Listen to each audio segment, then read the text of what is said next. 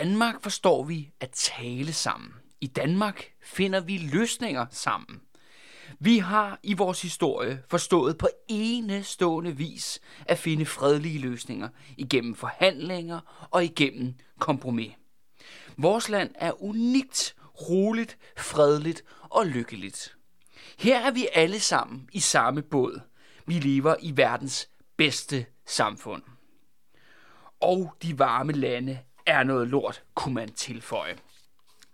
Disse udsagn gennemsyrer alle dele af vores samfund. Du har hørt dem blive sagt på tusind måder af mange forskellige autoriteter.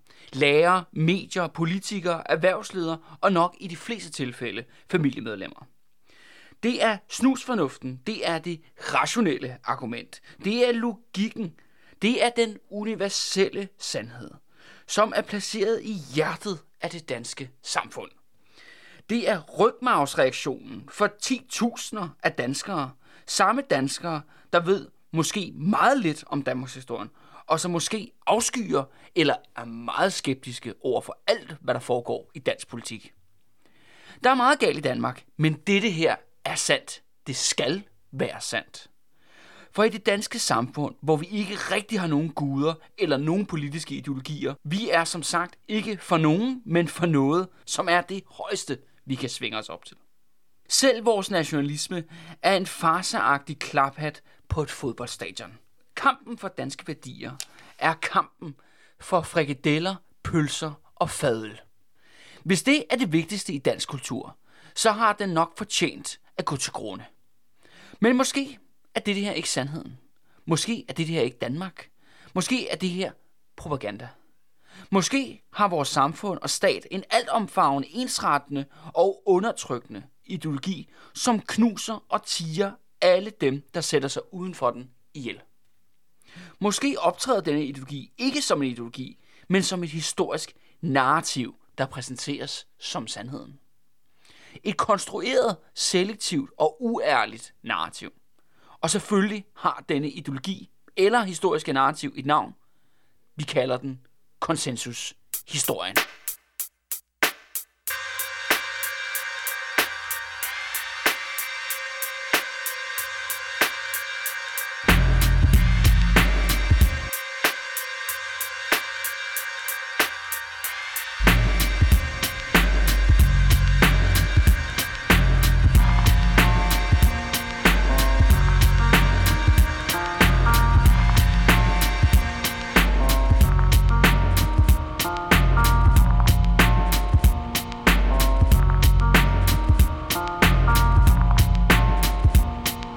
Og velkommen. Du lytter til De Røde Fjer med mig, Kalle Kylmand. Godt nok i en elig svale den her gang, jeg har ladet Andreas blive derhjemme.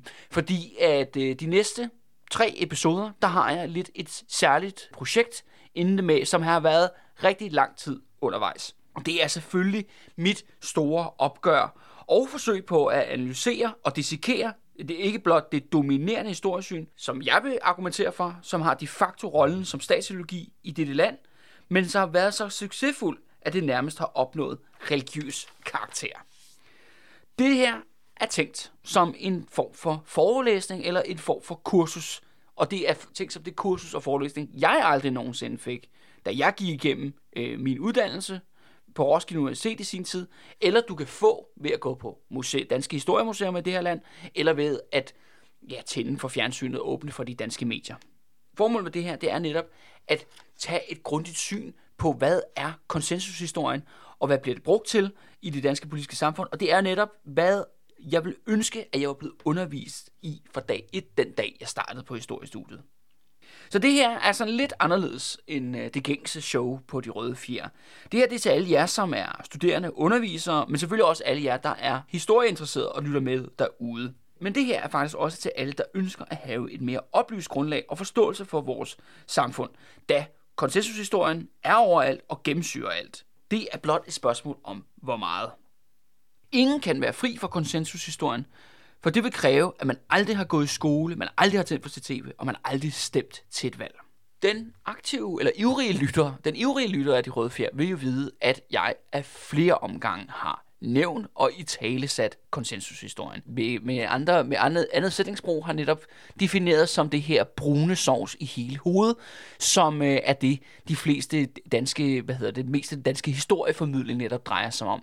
Men jeg tænkte, at der var behov på, fra min side, at forklare, hvad jeg egentlig mener med konsensushistorien, og hvad jeg mener, hvordan det bliver brugt, og selvfølgelig også, hvor den kommer fra, hvad er dens historiske baggrund, og hvad er dens, sådan set, dens funktion i vores, øh, i vores samfund. Fordi det er jo det her store, øh, det er jo mit personlige store opgør, jeg har sådan set øh, gjort det lidt til min mission, i ta- altså i både i talesæt, dens rette eksistens, at den faktisk findes, og den findes overalt i vores samfund, men også at stille et andet narrativ op. Og det er jo det, der egentlig det er de røde fjers øh, DNA. Det er det, der sådan set er ryggraden i hele det her historiske formidlingsprojekt. Det er, at det er et opgør med konsensushistorien. Men for at forstå opgøret, eller forstå også, hvad for nogle til tider ret radikale positioner og ret radikale fortolkninger, jeg tager på mange af de historiske emner, der har været på serien, og som også vil komme på serien ude i fremtiden, jamen så må vi jo netop også forstå, hvad konsensushistorien egentlig er i sin essens. Og som sagt, det her, det er til, ja, som sagt, alle jer, der arbejder med historie ud, fordi det ved jeg, at der er mange af jer, der gør. I skriver jo til mig, om I er studerende, om I underviser, men det er selvfølgelig også til alle de andre lyttere, som er interesseret i det her emne, fordi at jeg synes det selvfølgelig, eller jeg vil i hvert fald gøre mit til, at at man i hvert fald forstår, hvad konsensushistorie er, og forstår det på et oplyst grundlag. Og så kan man jo tage valget, om man synes, at konsensushistorien udfylder en vigtig, vigtig rolle i vores samfund, hvor det er med til at, ligesom at svejse vores samfund sammen, så vi alle sammen er i den her store, øh, hyggelige nationale grød med allerede før omtalte brun sovs i hele hovedet. Eller man kan faktisk blive klar over, hvad man bliver udsat for faktisk, fordi det er, fordi konsensushistorien er netop bare et politisk, subjektivt narrativ. Det er en historisk, politisk fortælling, øh, som selvfølgelig har baseret sig i noget reelt historiske begivenheder og fakta, men det, som, som, som det selv ligger i selve ordet subjektiv og politisk, så er det designet. Det er simpelthen custom made til den danske nationale forståelse.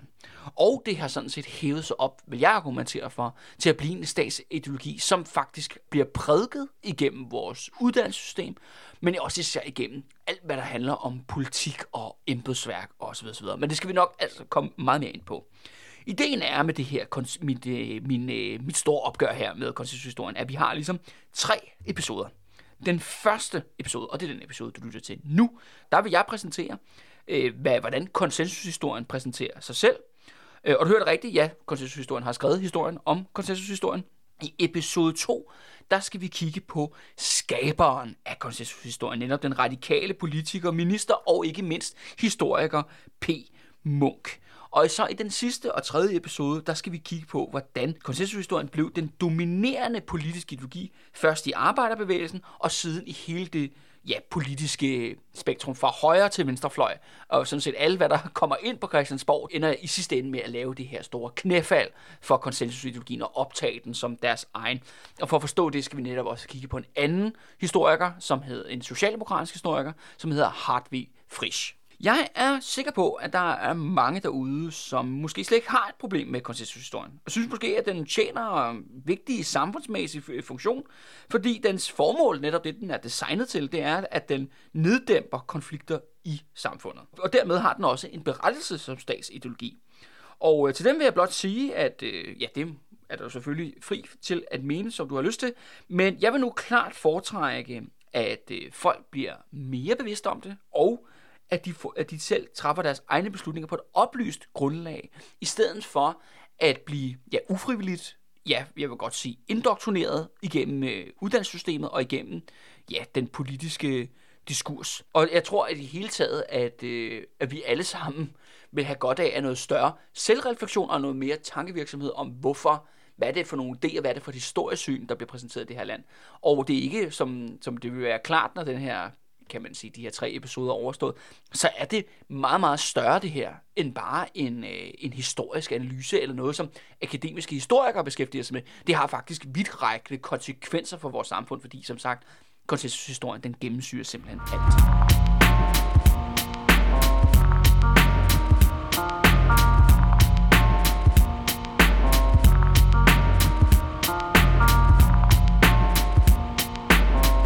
Men øh, inden vi dykker ned i konsensushistorien, fortælling om sig selv og, og hvordan den bliver fremstillet som fakta, som det er renere og skære fakta i dag, så bliver jeg nok nødt til lige at præcisere, hvad jeg egentlig mener med konsensushistorien som ideologi. Altså i historieforståelse som en politisk virkelighed. Altså en klar definition af, hvad en ideologi øh, er, kan være vanskelig at give. En ideologi kan defineres som helhedsbetragtninger om samfundet, det vil sige forestillinger om, hvordan samfundet ser ud, og hvordan det bør udvikle sig. I den her definition lægges der vægt på idéperspektivet, og den er der mange ideologier, som kan leve op til. For eksempel det helt klassiske liberalisme, konservatisme og socialisme, bare for at nævne nogle stykker. Øh, men, og det er jo så her, hvor jeg min tolkning af ideologi, i hvert fald når det kommer til konsensushistorien. Man kan også definere det ideologi som et legitimerende og videnskabelig forklaring på de eksisterende økonomiske og politiske og sociale forhold. Og jeg tror heller ikke, det er for meget at sige, at de, de klassiske politiske ideologier, såsom liberalisme, konservatisme og socialisme, de er mere eller mindre døde i det her land, i hvert fald når det kommer til de øh, ja, partier og organisationer, der beskæftiger sig med politik på Christiansborg, men sådan set også, kan man sige, oppe i, oppe i de herskende lag i vores samfund. Det er i hvert fald død som praksis i hvert fald i dansk politik. Øh, der, man kan godt sige, at alle partierne er pragmatiske, altså de er ikke ideologiske. Men det er i hvert fald sådan, så mange partier i hvert fald vil fremstille sig selv, at de netop er pragmatiske, og de er ikke ideologiske. De har måske en lille snært af en fortidig ideologi, men det handler jo altså om forhandlinger, om kompromiset og sikre, hvad der er bedst for Danmark. Det er jeg slet ikke enig i. For jeg vil argumentere for faktisk, at samtlige partier, der befinder sig i Folketinget, altså hele vejen fra enhedslisten og over til Nye Borgerlige, så er de faktisk ideologiske. Men de er ikke liberale, konservative eller socialistiske. De er konsensushistoriske. Alle partierne har den her ideologi, enten 100% eller 90%, eller i Socialdemokratiets tilfælde, under i hvert fald sær Mette Frederiksen, statsminister Mette Frederiksen, der er det over 200%. Og da partierne i hvert fald jo på papiret skulle præsentere forskellige grupper i samfundet, alt fra pædagoger til erhvervsledere, kan man få den idé, at konsensusideologien, at det er, altså, altså der er tale om en flertalsideologi, hvis man skulle gå efter partierne i Folketinget. Men det vil jeg nu betvivle, fordi konsensushistorien netop er omtalt, er til stede hele tiden i dansk politik, men den er jo sådan set ikke i talesat, at der er tale om ideologi, eller der er heller ikke tale om, at partierne bekender jo kulør om, at de alle sammen abonnerer på den her konsensushistorie. Det er også den her, kan man sige, den her uærlighed, eller måske manglende viden om, at man formidler videre et historisk, politisk, ideologisk narrativ, som er blevet designet til danskerne. Som er blevet lavet tilbage i starten af 1900-tallet, at de alle sammen bruger det mere eller mindre bevidst til at neddæmpe konflikt i samfundet. Konsensushistorien, vil jeg mene, optræder som en form for monolit i det danske samfund hvor at ellers øh, velmenende og oplyste mennesker, de gentager øh, konsensushistoriens paroler fuldstændig automatisk, uden refleksion, da de aldrig præsenteres eller formidles som en narrativ blandt flere. Det formidles faktisk som religiøs dogma, vil jeg sige. Så jeg anser altså konsensushistorien som ideologi, der i den her sammenhæng, i vores danske, danske kontekst, en legitimerende forklaring på de eksisterende økonomiske, politiske og sociale forhold. Og jeg anser konsensushistorien som en særlig form for dansk nationalisme og ideologi. Ja, konsensushistorien den adskiller sig fra mere sådan traditionelle politiske ideologier ved at fremstille sig næsten som upolitisk, mere faktisk som en biologisk tendens i det danske samfund, hvor at danskerne, det præsenteres i hvert fald som at danskerne blot har en indre trang til samarbejde, kompromis og forhandling, og ikke mindst hygge. Det ligger simpelthen i deres DNA. Men samtidig er det altså også en øh, mere sådan traditionel nationalisme, der er opbygget omkring et klassisk historisk narrativ med nedslagspunkter såsom år, begivenheder og personer, hvis endelige konklusion er simpelthen konsensushistorien. Og som perler på en snor fører Danmarks historien til vores utopiske nuværende konsensussamfund.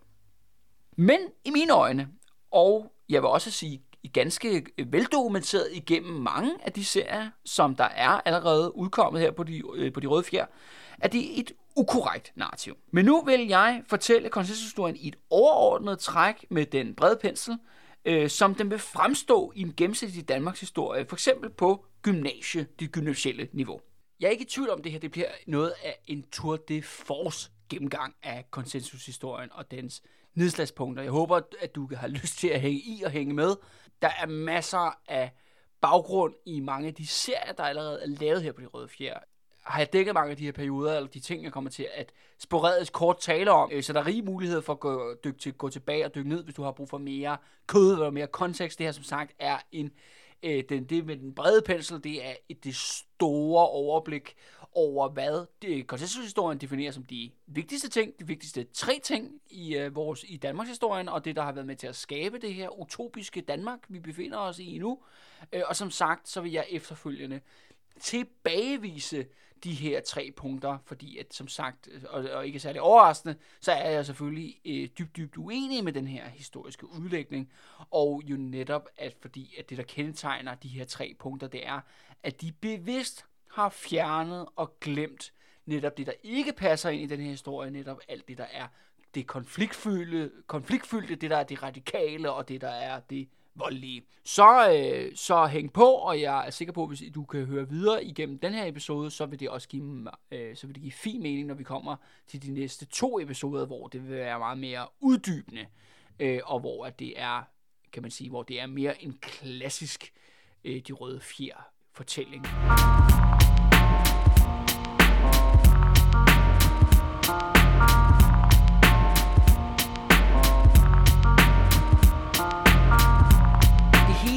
Handler om konklusionen om endemålet. Og endemålet, det er det nuværende Danmark. Og det nuværende Danmark, det fremstilles som en utopi, altså utopia. Og det her, det er ikke blot en øh, sådan en indre dansk navlepindefortælling. Det er faktisk en, en fortælling, som har et bredere internationalt publikum. Øh, både, øh, både historikere, som, så som for eksempel øh, Francis øh, Fukuyama, eller politikere som Bernie Sanders. Det handler om øh, begrebet, altså når man oversætter kons- sige, konsensushistorien til engelsk, der bliver det omtalt til, som øh, øh Francis Fukuyama definerede som getting to Denmark. Altså at Danmark er det bedste samfund i verden, og alle andres landes mission på den her klode, det er at blive ligesom Danmark. Altså det vil sige en velfærdsstat, et socialdemokrati og hygge og brun sovs i hele hovedet. Det er simpelthen det, der er utopia. Det er det, der er endemålet. Det er der, kineserne skal hen. Det er der, at folk i Bangladesh skal hen. Og det er der, at folk i Argentina skal hen. De skal alle sammen getting to Danmark, som øh, Francis Fukuyama definerede i, øh, efter murens fald, og som øh, ja, for eksempel en amerikansk politiker som Bernie Sanders mener, at det der skal være USA's fremtid. Jeg er sikker på, at du som lytter kan komme på nogle konkrete problemstillinger i Danmark lige nu, som gør, at det her ikke helt er utopia. Men der er to ting, man skal bide øh, mærke i, når Danmark fremstilles som det her økolo- økonomiske og politiske endemål for alle andre lande i verden. Et, og det er jo selvfølgelig min egen holdning og fortolkning. Et, hvor er det dog trist, at vi lever i en verden, som ikke har et højere ambitionsniveau. Og to, at hypen den topper her, hvor vi står på tærsklen til velfærdssamfundets forsvinden. Vi sidder her med de sidste rester, mens konkurrencesamfundet bliver udrullet på fuld smadre i de her år. Og det er jo det, konkurrencesamfundet er, er, at vi jo netop stopper med at være unikke, hvis vi nogensinde har været unikke. Men konkurrencesamfundet sørger jo netop for, at vi bliver ligesom alle de andre rundt omkring på kloden. Og det ironiske eller sjove er jo så også, at dem, der forsvarer det allermest, altså den her den konsensushistorien og det her det gamle velfærdssamfund, som er på vej ud, det er jo netop de samme, som afskaffer det i de her år, og som jo de facto allerede har afskaffet en hel masse af det. Så Danmark er nok ikke i praksis utopia, men ifølge konsensushistorien er Danmark netop det. Og fortællingen er så stærk, at vi har bundet folk i det store udland til at hoppe på limpinden. Men hvordan blev Utopia så skabt ifølge konsensus? Og nummer et, det er, at Danmark blev en retsstat med et ukorrupt embedsværk under den sene enevælde, især virkelighedsgjort i form af landbrugsreformerne i 1780'erne. Og det er her, Danmark simpelthen bliver det her eksemplariske gode stat og det her gode retssamfund. Herunder den sene enevælde i 1780'erne, jamen der bliver den danske stat jo ja, netop et, et ukorrupt, med ukorrupte, dygtige embedsmænd og med en uafhængig dommerstand. Og det vil sige, det er ligesom grundelementet i konsensushistorien, det er, at vi har den her stat, som har den her sunde, rene historiske kerne. Men nu vil den vågne lytter nok allerede have mærke i tidsperioden. 1780'erne og landbrugsreformerne, det er jo netop Frederik den 6. tid. Det er netop Frederik den 6. historiske system. Og man kan jo gå tilpas og gå tilbage og lytte til vores serie om den røde fjer, altså Frederik den 6. og hans mænd. Og man kan især lytte til for eksempel den episode, der hedder Træhestens Rit, som netop handler om landbrugsreformerne. Det, og det har en bred historisk accept. Der er aldrig nogen, der stiller spørgsmålstegn ved det. Det er noget, man hører historieprofessorer og politikere og andre øh, personager og embedsmænd blive ved med at ævløse om, at den her rene kerne har sin begyndelse i 1780'erne.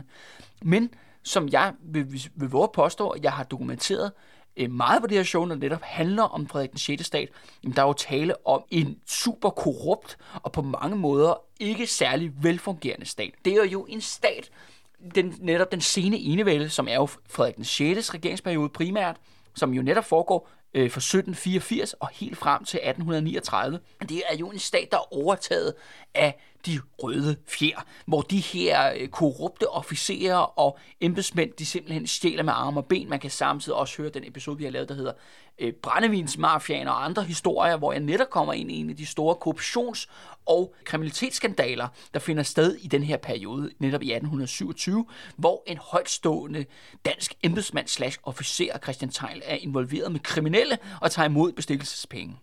Og hvor at der er den her brave bonde øh, fra, fra Skive, som netop, øh, jo netop støder hovedet mod Altså alle de udulige, korrupte og kriminelle embedsmænd, der befinder sig i hele vejen ned for Skive og hele vejen op til København.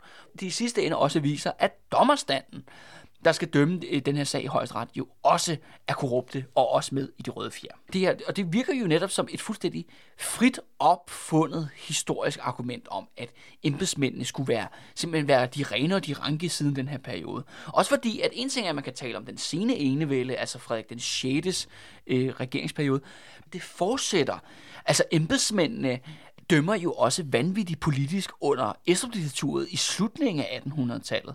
Og de gør det også i starten af 1900-tallet. Og samtidig er der også masser af dommere, der agerer politisk i den her periode. Eh, hvornår at den danske stat bliver, den stat, danske stat bliver ren, jamen det er jo så det, der er det store spørgsmål. Måske er det efter 1945, men jeg er næsten sikker på, at vil næsten æde min gamle hat på, at hvis jeg kiggede mere grundigt på den periode, på et eller andet mere fremtidigt tidspunkt, jamen så kan vi sikkert også finde sager. Man kan jo også bare kigge på den nuværende status af embedsværket, hvordan de er netop jo agerer vanvittigt politisk, og hvor, hvor netop vi har haft en masse øh, tvivlsomme domme øh, og retssager, der bliver talt om i de her år, jamen at embedsværket har har mistet noget af, det, noget af deres faglige integritet, og de har mistet noget af deres sunde kerne, og det samme gælder sådan set dommerne, at de siger, at de ligesom har mistet det fra fortiden. Men spørgsmålet er, om det nogensinde har været til stede, men ikke desto mindre er det altså en grundpille i konsensushistoriens øh, fortælling, i hvert fald som den bliver defineret hos den skaber, P. Munk, og som er blevet gentaget lige siden.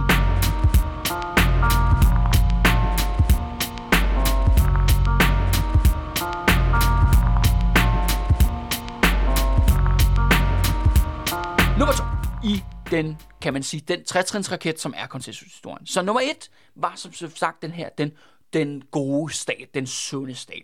Nummer to, det er det med folket. At Danmark er et stort, homogent, nationalt, demokratisk fællesskab. Og vi er blevet opdraget til at være det her homogene, nationale, demokratiske fællesskab, netop af ja, præsten, øh, kultlederen Grundtvig, men også højskolerne og andelsbevægelsen, og lidt senere kommer arbejderbevægelsen også med i det her demokratiske projekt. At det er, at vi har sådan en, et særligt tolerant, demokratisk, ytringsfrihedselskende sindelag. Øh, og det har sin, simpelthen sin, sin baggrund, historiske baggrund i ja, sådan midten af 1800-tallet, hvor det jo netop er Grundtvig og højskolerne og andelsbevægelsen og arbejderbevægelsen sådan set bliver, bliver dannet. Øhm, og, det er, og det er jo ligesom det der, kan man sige, der, om det er kernen, det er den, den danske DNA. Det er derfor, vi er så venlige og så fredelige og så demokratiske, og vi elsker ytringsfrihed og diskussion og sådan ting. Men igen, så bunder det ikke i den reelle historiske virkelighed, som fandt sted i midten af 1800-tallet i Danmark. For det første var Danmark ikke et særligt homogent eller fredeligt øh, samfund i midten af 1800-tallet. Det var faktisk øh, defineret med blodige kampe imellem de danske borgere, der talte tysk på den ene side, og de andre, der talte dansk på den anden side. Samtidig kan man sige, at den danske nationalitet, også som den er forstået i dag, den er jo faktisk også en udgrænsning af alle de folk, som jo sådan set var med som var danske borgere eller danske undersåtter den her periode, netop i midten af 1800-tallet. Og det er forstået især som jo kolonierne, såsom for eksempel Island, Færøerne og Vestindien, som alle sammen var med i midten af 1800-tallet, men de er altså ikke med i det her nationale fællesskab, og det er derfor, de er kottet ud af Danmarks historie den dag i dag, og de ikke ligesom passer ind, eller også at de ligesom en sidenote, eller de får så et særligt kapitel. Og det er jo det der med, at Grundtvig, højskolebevægelsen, andelsbevægelsen og arbejderbevægelsen, de har jo gjort aktivt, at de her folk ikke ligesom er en del af det nationale fællesskab. Samtidig kan man så sige, at den her med den fredeligheden, ikke noget, der er blevet prædiket i højskolerne af, eller af Grundtvig, jamen det er jo netop været den her store opslidende kamp mod tyskerne, defineret ved de to krige, altså treårskrigen henholdsvis 1848 til 1850, og selvfølgelig det store nederlag i 1864. Samtidig er der også et meget, meget vigtigt aspekt ved netop hele Grundtvigs øh, forfatterskab, højskolerne og andelsbevægelsen. Det er, at øh, de faktisk, jo, de havde et, et dansk nationalt fokus, men de havde faktisk også øh, øjnene rettet mod noget helt andet. Første plan var, ja, et nationalt dansk fællesskab, hvor at tyskerne og øh, de afrikanske slaver og øh, islændinge og færinger og alle de andre øh, og inuiterne er ligesom udgrænset af det. Men det næste skridt var faktisk, at Danmark, det nationale danske fællesskab, skulle opløses ind i en ny skandinavisk union, en ny skandinavisk stormagt men som så sagt jo, som vi jo altså ved jo ikke blev til noget. Men det vil sige, at den her bevægelse er ikke engang sådan en national bevægelse, det er faktisk mere måske en skandinavisk bevægelse, hvor det her med det snævre danske nationale fokus, det er først noget, der kommer på bagkant, ligesom efter at de skandinaviske planer, de lider endeligt nederlag omkring øh, 1870 nu har jeg jo nævnt alle de grupper, som ikke har lov til at være med i det nationale fællesskab, og som i tyskernes tilfælde jo direkte bliver øh, bekæmpet med våben i hånd. Og det gør jo en af de her øh, sætninger, en af de her, som man kommer til at høre igen og igen og bliver gentaget i en uenighed. Og det er det her med, at Grundtvig skulle have sagt, at der er frihed for Loke, såvel som for Thor. Men når det kommer til 1800-tallet, når det kommer til midten af 1800-tallet og slutningen af 1800-tallet, der er det virkelig et tomt slogan i praksis. Det er en floskel, der er blevet sagt jo, fordi der var jo netop ikke frihed for Loke, såvel som Thor. Ikke hvis, at det var en tysk Loke, eller en grønlandsk Loke, eller en islandsk Loke, eller en færøsk Loke. Og, og heller ikke, hvis at det var nogen, som ikke jo abonnerede på den samme politiske øh, ja, højskole, dansk, øh, hvad hedder det, guld, hvad hedder det, guldhorn nationalisme, guldhorns nationalisme, som Grundtvig øh, prædikede på, så blev de jo netop udgrænset og smidt i fængsel, især i slutningen af 1800-tallet. En anden ting er også, at både andelsbevægelsen og arbejderbevægelsen har jo egentlig også et andet udgangspunkt end at være, kan man sige, bannerfører for at være tolerant og demokratisk ytringsfriheds øh, sindelagsskabende øh, nærmeste nærmest skolebevægelser, som er hvis eneste formål at uddanne befolkningen til at være gode demokrater. Nej, begge bevægelser startede jo som, som kamporganisationer, som var meningen, at de jo faktisk ville jo lave radikalt om på det her samfund. Andelsbevægelsen havde et tæt forløb mod kampen mod af højre mod Estrup-diktaturet, og det samme havde arbejderbevægelsen også, selvom den, kan man sige, den fortsatte havde lidt længere liv som kamporganisation, fordi den, den tog sin kamp videre, ikke, kun, ikke blot mod højre diktaturet, men også sådan set øh, mod øh, kapitalismen på den anden side over 1900. Et andet element i konsensushistorien tilbagevis af den faktisk historiske virkelighed, som den foregik i midten af 1800-tallet.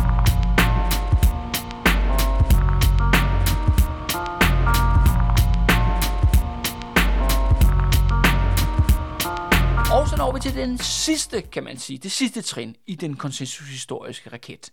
Det er nummer tre, og det er, at alle afgørende konflikter i Danmarks historien er blevet løst igennem forhandling og kompromis.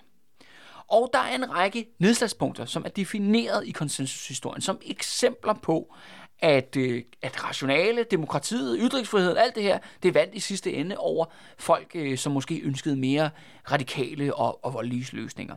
For det første starter man med Estrup-diktaturets afslutning, og de siger jo selvfølgelig ikke Estrup-diktaturet i konsensushistorien, der kalder man det jo provisorietiden, som det kaldes. Øh, men at systemskiftet, eller paladskuppet, som jeg kalder det, i 1901, man kan jo gå tilbage og høre Den Hvide Elefant, hvis man har lyst til at høre den historie, at den blev, øh, fik sin, sin fredelige afslutning med et dejligt politisk kompromis i 1901. Det næste eksempel, det er hvad kongehusets rolle skulle være i det danske samfund, hvor vi har jo det, der hedder påskekrisen i 1920, men som øh, jeg kalder det kongekuppet i 1920. Men igen, der blev fundet en fornuftig løsning, hvor der blev indgået kompromis og forhandlinger, og kongehuset fandt sig til rette i en ny øh, samlende rolle for nationen efterfølgende. Og det næste udgangslagspunkt er det sociale økonomisk fordeling i samfundet, skabt ved et kompromis. Vi taler altså om skabelsen, begyndelsen på velfærdsstaten, netop ved selvfølgelig det berømte Kastergadeforlig i 1933. Igen kan man tale om, at, at de rige, de magtfulde, de indså, at ja, vi netop var alle sammen i samme båd. Vi er jo alle sammen et produkt af, at vi lever med den her rene, dygtige stat, øh, vi alle sammen lever under, og samtidig er vi jo, har Grundtvig og højskolerne jo opdraget os til, at vi er jo et elskeligt, demokratisk og hyggeligt folkefærd, og derfor indså de rige og de magtfulde, at de skulle dele ud af samfundets goder igennem et lækkert kompromis hjemme hos Torvald Stavning i Kanslergade i 1933, hvor der blev drukket whiskysjuicer, og så var der simpelthen velfærd til alle. Man kunne tilføje som det sidste punkt i, velfærd, øh, i, i den her historie om de store kompromiser og store forhandlinger i, velfærds, øh, eller i, i Danmarks historie, det er selvfølgelig opbyggelse af velfærdsstaten. Alle regeringer sådan set tilslutter sig mellem 1945 til 1973, hvor at øh, igennem fornuftige, øh, fornuftige forhandlinger, og den kan man sige, at det rationelle argument altid vinder diskussionen, er, at velfærdsstaten blev rullet ud gradvist hen over den periode. Men igen kan jeg jo så vise tilbage til en række af de episoder, vi har lavet. Først og fremmest jo netop den, der hedder Den blodrøde danske model, som, jo på, som handler jo om storlockouten i 1899, men som jo også fører til afslutningen på Estrup-diktaturet, altså i relation til ØK's og H.N. Andersens paladskup i 1901 mod Estrup der er jo ikke tale om, jo, der er der tale om, der er nogen, der har nogle forhandlinger, der er også nogen måske, der indgår nogle kompromiser sidste ende, men der er det her massive pres, netop truslen fra arbejderklassen, og det her store, den her, det der er egentlig formodet på det store nedslagte, den store tilbageslag af arbejdervæsenet, der mislykkes i 1899, frygten for revolution fra arbejdernes side, der fører til, at den her nye øh, shipping-elite, kan man sige, for ØK, de gennemførte det her pladskup i 1901. Igen, det lugter ikke særlig meget af fine politiske forhandlinger i Folketinget. Nej, det lugter af henholdsvis massebevægelser i gaderne og konspirationer på direktørgangene, som fører til, at, at man skiller sig af med Estrup i 1901. Hvis man går frem til, ja, kongekuppet i 1920, der er jo selvfølgelig også, der kan man tilbage, ja, og høre kongekups øh, episoden 1920, der er der selvfølgelig også det vigtige element af i hele den her periode fra, ja, 1918 til 1920, der har du jo syndikalisterne og de andre revolutionæres stormløb imod den danske elite. Man har altså en konstant trussel for revolution i gaderne, og det er jo ikke kun et hjemligt fænomen, det er også et fænomen, der finder, ud, finder sted ude i det store Europa, hvor man både har den russiske og den tyske øh, revolution. Så det her med, at kongehuset og Christian den 10. han ligesom finder sig et lækkert kompromis med, med Socialdemokraterne i form af Thomas Downing, jamen det er jo også fordi, der bliver jo netop lagt den her latte pistol på bordet i rummet, hvor at kongen har jo valget om at indgå en eller anden form for aftale, og netop ja, blive det her grænsekagefigur, eller se, hvordan at kongehuset bliver omstyrtet, og måske bliver det den socialistiske revolution sluppet løs i København. Igen har vi en militant, ja, voldelig politisk bevægelse, til tider voldelig politisk bevægelse, ude i gaderne, i hvert fald igennem nogle meget, meget militante, militante aktioner, og igennem nogle massive strækkebevægelser, som netop skubber på, og det i sidste ende er løsningen af påskekrisen ikke et produkt af lækre og hyggelige forhandlinger, men et produkt af politisk aktion. Når vi så kommer over til Kanslergade, jamen så er det jo værd at bemærke i den tidsperiode, det der foregår i, jamen det foregår jo på baggrund af den store økonomiske depression i 1929. Samtidig har, har DKP, altså Danmarks Kommunistiske Parti, jo haft deres gennembrud året før i 1932, hvor de er kommet i Folketinget, hvor de øh, organiserer øh, nogle rimelige militante arbejdsløshedsbevægelser, der marcherer gennem gaderne. Det fører til en masse politiske gadekampe. Samtidig har du jo også en voldsom politisk radikalisering i det danske samfund, både til venstre og til højre. Det er også samme periode, at de danske nazister vinder frem, og de er jo også i griber høj grad også til, øh, ja, til masser af, af vold og faktisk også terror. Og samtidig har du jo så også ude i det store øh, udland jo netop presset for ja, mod øst, for Sovjetunionen og mod syd i form af, af Nazi-Tyskland. Jamen, kanslergadeforlidet, ja, det kan da godt være, at de havde nogle hyggelige forhandlinger og, og godnatschusser i kanslergade, men man har lige pillet ud alle, kan man sige, de urovækkende elementer i den historie, alle de andre, dem der netop igen står uden for forhandlingslokalerne og presser på at der ligesom skal ske noget, hvor man igen jo står med valget om, ja enten så kan man give indrømmelser, at eliten kan prøve at købe sig til fred igennem velfærdsydelser, eller også så kan de tælle ned til, at revolutionen, opstanden, statskuppet, det ligesom vil manifestere sig på, en, på den længere bane.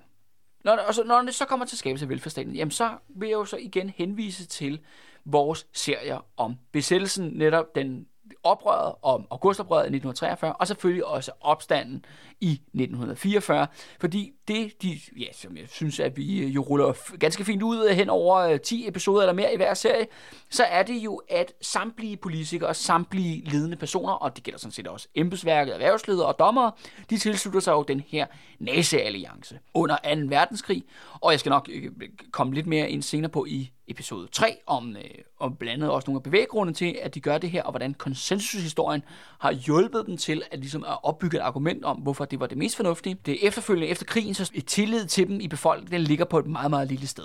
Og det fører sig til, at lige så snart der kommer, kommer penge i kassen, efter, især efter 1957, jamen så bliver velfærden rullet ud.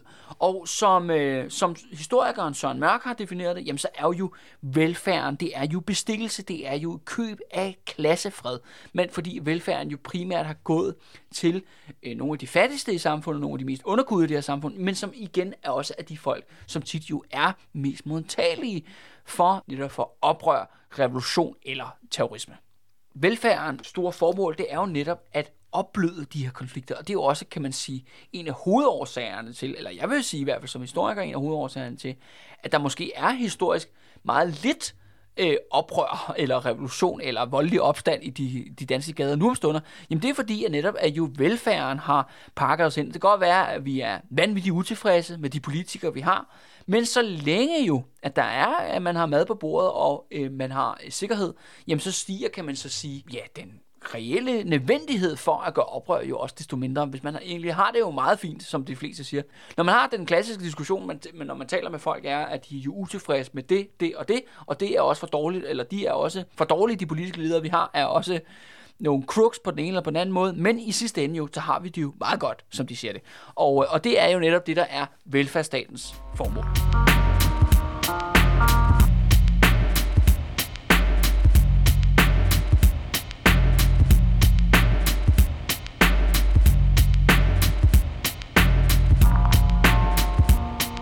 Konkludere, altså konsensushistorien, vil jeg sige, er ret nem at tilbagevise, i hvert fald hvis man hedder øh, Kalle Kylmand i hvert fald. Fordi man ser igen altså, at der er den her politiske vold, der er den her, de her strækker, eller der er trusler om det samme. Det er egentlig det, der har været den store, de store, det er det, der har skabt de store forandringer i Danmarks historie. Det er ikke altså de her politiske, økonomiske forhandlinger mellem ligesindede politikere det er det her, når det her pres det vokser af den ene eller den anden årsag gennem Danmarks historien, så vil det sidst komme de her indrømmelser. Når den, når den som sagt, når den latte pistol bliver lagt på bordet, jamen så begynder der sådan set at ske noget på forhandlingsfronten. Jeg vil sige, at min konklusion er, at konsensushistorien, som jo også i høj grad er Danmarks historie, som den bliver præsenteret langt de fleste steder, altså det her et, et faktisk løgnagtigt narrativ, øh, der er øh, konstrueret op omkring en række virkelige begivenheder. De med de her nedslagspunkter hedder 1901, 1920, 1933 og 1945. Men det er jo også en historie, som er jo en forsimpling. Det er også en historie, hvor alle kanter er slibet af. Og det er også en, en historie, hvor at især øh, oprørere fra de nederste lag i samfundet, eller dem, der ligesom står uden for det politiske system, de er bevidst øh, blevet fjernet, eller også er de endda blevet glemt. Og, de er, og det er faktisk sket så succesfuldt, at selv øh, folk, som lever af at skulle formidle historie i dag, de har sådan set glemt det. Jeg tror faktisk ikke, at mange af dem ikke bevidst lyver. Jeg tror simpelthen ikke, at de er klar over det. Så stærk er konsensusfortællingen i dag i det danske samfund. Og når man ligesom har pillet alle de her problematiske sider af, kan man sige, Danmarks historien øh, væk, jamen så står vi tilbage med det her gode, nationale, ukorrupte stat og samfund, fyldt med glade, tolerante og demokratiske borgere, der vælger igennem stemmerne de bedste i blandt os til at lede og beslutte på fællesskabvejen. Og heldigvis er de skide gode til at finde de bedste løsninger igennem forhandlinger og kompromiser. Og sådan har det altid været. Det er, kan man så sige, grund, grundideen, grundtesen i konsensushistorien. Men som sagt, konsensushistorien slash den her statsteologi, Det er jo en konstrueret og tilpasset historieskrivning, som hvis hele formål er netop at bringe os frem til endemålet. Netop det Danmark, vi lever i i dag.